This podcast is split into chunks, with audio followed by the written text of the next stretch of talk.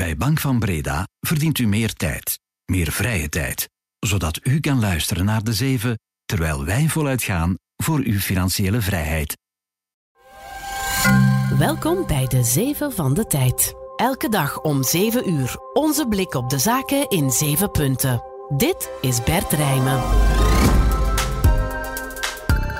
Goedemorgen. Op maandag blikken we in de zeven altijd vooruit op de week die komt met een gast. En dat is in 2024 niet anders. De eerste keer van het nieuwe jaar is onze gast, collega-journalist en editorialist hier bij de tijd, Bart Haak. Goedemorgen, Bart. Goedemorgen Bert. Ook terug van nooit weg geweest zijn de politieke nieuwjaarsrecepties, de laatste in de aanloop naar de verkiezingen. Wat mogen we daarvan verwachten? En wat mogen we verwachten op het vlak van internationale en geopolitiek?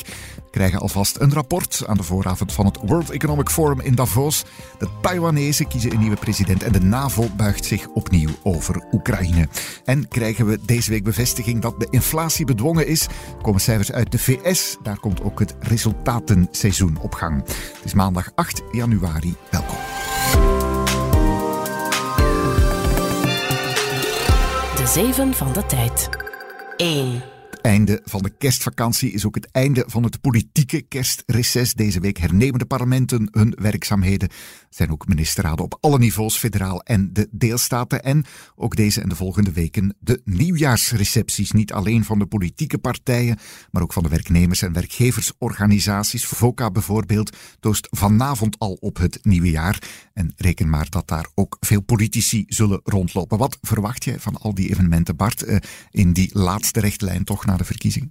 Wel, die, die evenementen of dat seizoen van de nieuwjaarsrecepties is altijd interessant om te zien met welk zelfvertrouwen ze het nieuwe jaar ingaan. Mm In dit geval met welk zelfvertrouwen ze de campagne ingaan, met welke agenda ze dat laatste half jaar ingaan. En uh, ja, je voelt daar zeker bij de centrumpartijen uh, toch wel een grote nervositeit mm. over uh, ja, hoe ze alles nog proberen in de plooi te leggen, hoe dat soms lukt, hoe dat soms niet lukt. Kijk naar de federale regering, waar uh, de gouverneur van de Nationale Bank, Pierre Wunsch, nog steeds niet officieel herbenoemd is. Kijk naar de Vlaamse regering, die nog uh, ja, nu net probeert Ineos uh, in de plooi te leggen door die vergunning af te leveren, maar waar het uh, de vraag blijft of dat opnieuw stand houdt. Mm -hmm. Dus je voelt dat het is interessant om daar rond te lopen en te voelen ja, hoe ze dat jaar ingaan. Ja, nou, het zijn de regeringspartijen. Je hebt ook oppositie. bijvoorbeeld Vlaams Belang lijken, of leken, moet ik zeggen, heel zeker te zijn. Daar zijn nu toch een paar issues die spelen. Hè? Bijvoorbeeld ja, de hele Chinese spionageaffaire rond Krijlman. Je hebt ook Dries van Langenhoven. Morgen trouwens uh, komt hij voor de correctionele rechtbank samen met zes kompanen van Schild en Vrienden verdacht uh, voor inbreuken op uh, de racisme- en wapenwetgeving. Um, ja, dat, dat weegt toch wel wat op die partij. Wel, officieel staat Dries van Langenhoven los van de partij, mm -hmm. maar indirect weegt dat wel, omdat de partij heeft daar nooit afstand van genomen, heeft zich nooit verontschuldigd ja. voor wat Van Langenhoven deed, terwijl hij bij hen op de lijst stond. Dus dat, je kan wel verwachten dat dat ja, op hen afstraalt. En samen met die zaak rond Chinese spionage ja, heeft het wel het elan veranderd van het Vlaams Belang. Ze waren eigenlijk heel lang ongenaakbaar, onoverwinnelijk uh, in die peilingen. En dat is toch veranderd. En we zijn eigenlijk daardoor in de situatie beland waarbij op de P van de A na iedere partij wel zijn problemen heeft uh, vandaag uh, in de wedstrijd. Ja, inderdaad. Um, uh, nieuws van dit weekend over lijstvorming kregen we nog vanuit Franstalig België, Sanne Michel daar. weten we intussen gaat de Europese lijst van de Franstalige Liberalen bij de MR trekken. Blijft dus geen voorzitter van de Europese Raad tot het einde van het jaar, zoals het eigenlijk voorzien was. Verrast, Bart? Goh, toch een beetje, omdat je toch had mogen verwachten dat, uh, dat hij die functie ging. Mm -hmm. Het is geen onbelangrijke functie, ze is ook niet slecht betaald trouwens. En het is uh, geen onbelangrijk moment met die, die oorlog in Oekraïne die bezig is, met de steun van Europa die daarin cruciaal is en cruciaal blijft dit jaar. En uh, ja, nu voeg je daar onzekerheid aan toe. Dus die, die opvolging van Michel moet nu al gebeuren, veel vroeger. Terwijl dat normaal na verkiezingen gebeurt, wanneer de kiezer nieuwe evenwichten heeft gelegd. Dat, daar wordt nu een voorafname op gedaan. Dat zal moeilijk zijn en als het niet lukt, uh, dan is de, de volgende EU-voorzitter van het roterend voorzitterschap, Hongarije, die moet dan de beslissingen nemen, moest het niet lukken. Dus dan krijg je eigenlijk de grootste pro-Russische regering in Europa die dan tijdelijk zou uh, heel zwaar wegen op beslissingen. Dus vanuit het staatsmanschap bekeken uh, ja, is het een ongelooflijk zwaktebod. Uh, en het is alleen maar je kan het alleen maar verklaren door ja, de persoonlijke carrièreplanning van, van Charles Michel. 2. En vanavond neemt premier De Kroos samen met Vlaams minister-president Jan Bon nog deel aan dat panelgesprek op de VOCA nieuwjaarsreceptie waar we het net over hadden. Dan mag hij daarna proberen om de knoop verder te ontwarren over de herbenoeming van Per Woens, waar je het ook al over had als gouverneur van de Nationale Bank, Bart. En woensdag vertrekt De Kroos dan naar China voor een bezoek tot zaterdag. Gaat onder meer het nieuwe ambassadegebouw voor België in Peking inhuldigen. Staan ook ontmoetingen uh, op de agenda met Belgische en Europese zakenlui. Hoe kijk jij naar dat bezoek, uh, Bart? Wel, ik vind het wel belangrijk dat we daar zijn, zowel vanuit Europa bekeken als vanuit België. Des te meer omdat we ja, in een wereldeconomie leven vandaag waarin grote machtsblokken tegenover elkaar staan. En je moet met elkaar praten, uh, zeker omdat niet ieder dossier hetzelfde is. Als je naar China kijkt, dan uh, is China voor ons een bondgenoot in de strijd tegen klimaatopwarming. Is het een bondgenoot in de, de regulering van artificiële intelligentie. Maar uh, qua oorlog in Oekraïne zitten we niet op dezelfde lijn. En dan op andere dossiers, zoals uh, de chipsector, kijk naar IMEC, uh, of zelfs de autosector, waar Europa China beschuldigt van dumping in Europa. Mhm. Daar zitten we, zijn we eigenlijk tegenstanders. Dus je moet wel met elkaar praten om daar ja, ofwel zaken te doen, ofwel wat, wat, wat stroefzet uh, proberen uit te praten. En dus het is belangrijk om daar te zijn, maar het is niet makkelijk. Je merkt dat ook aan de achtergrond waartegen dit gebeurt. Die, die spionagezaak waarin twee uh, parlementsleden van het Vlaams Belang betrokken zijn.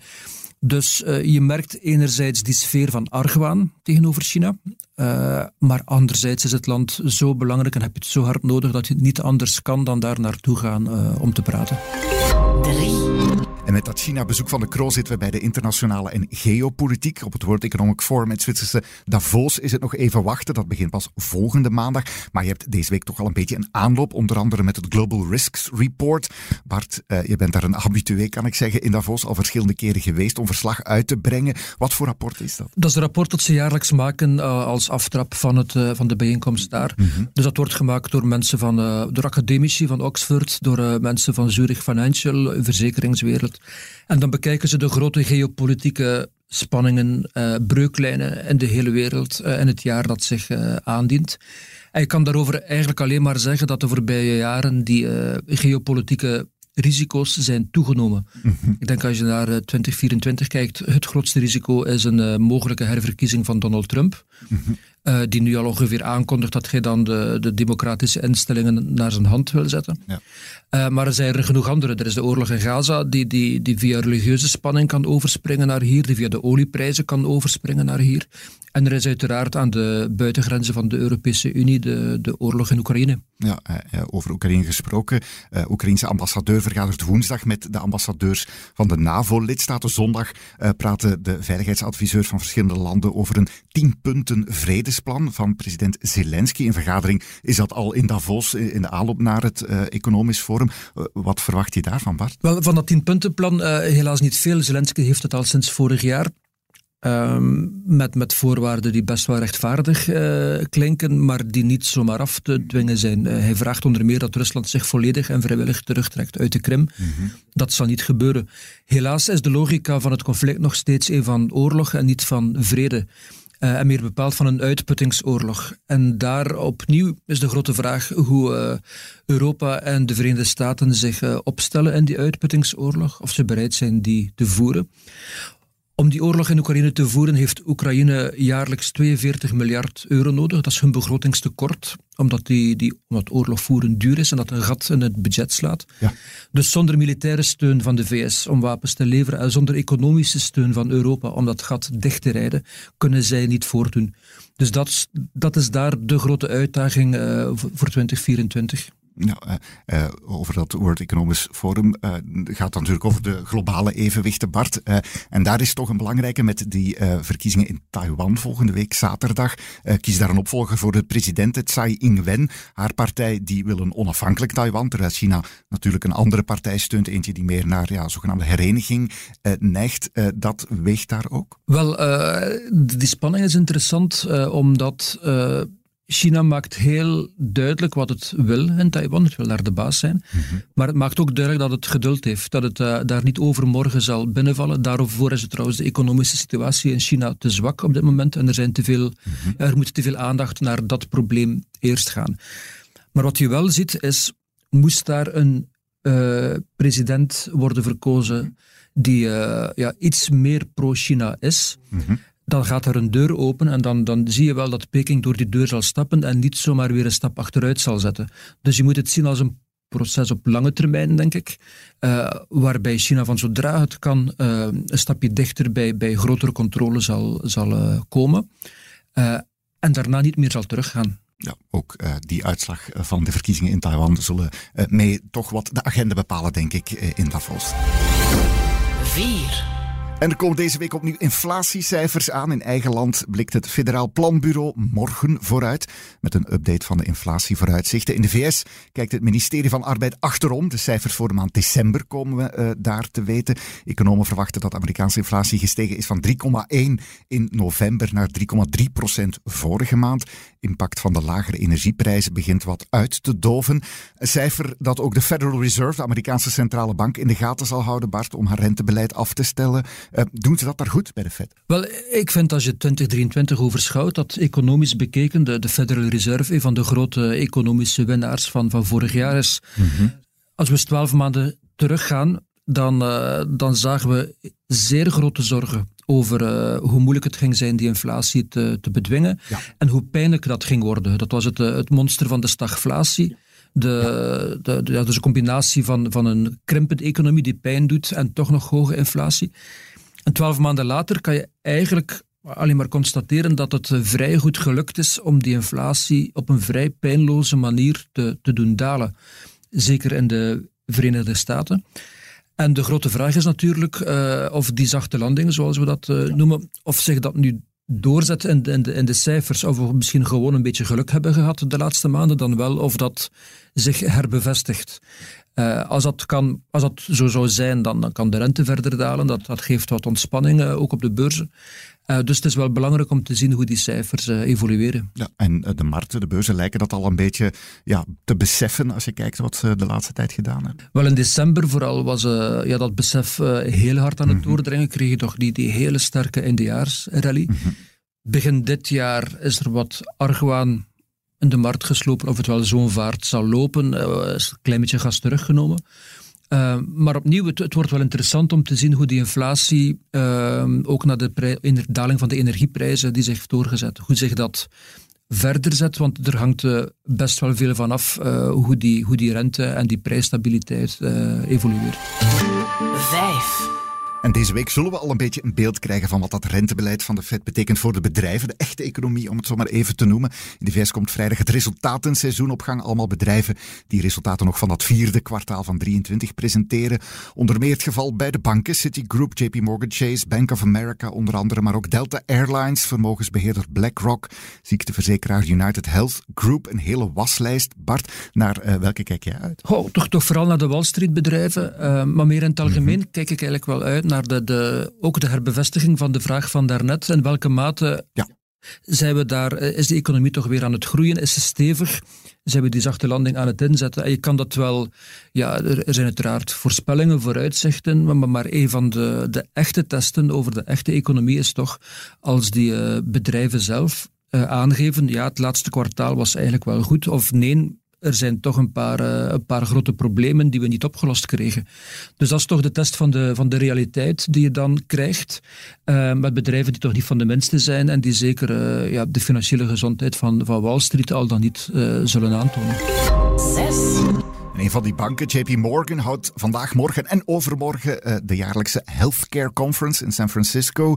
Een biotech-hoogmis noemen we dat dan uh, voor de 42ste keer. De CEO van een Belgisch biotechbedrijf, Argenix, Tim van Houwermeijeren, die zal er ook zijn. Vanavond om 6 uur onze tijd geeft hij daar een presentatie. Benieuwd ook, Bart, daar, want dat aandeel Argenix eind vorig jaar kreeg nog een serieuze tik tegen van de resultaten waren dat van uh, dat geneesmiddel Vivcard op de markt voor een zeldzame spierziekte. Maar ja, onderzoek naar bruikbaarheid naar andere aandoeningen uh, vallen wat uh, tegen. Ja, uh, hij zal daar toch, laten we zeggen, goed uit de hoek moeten komen van Houwermeijer.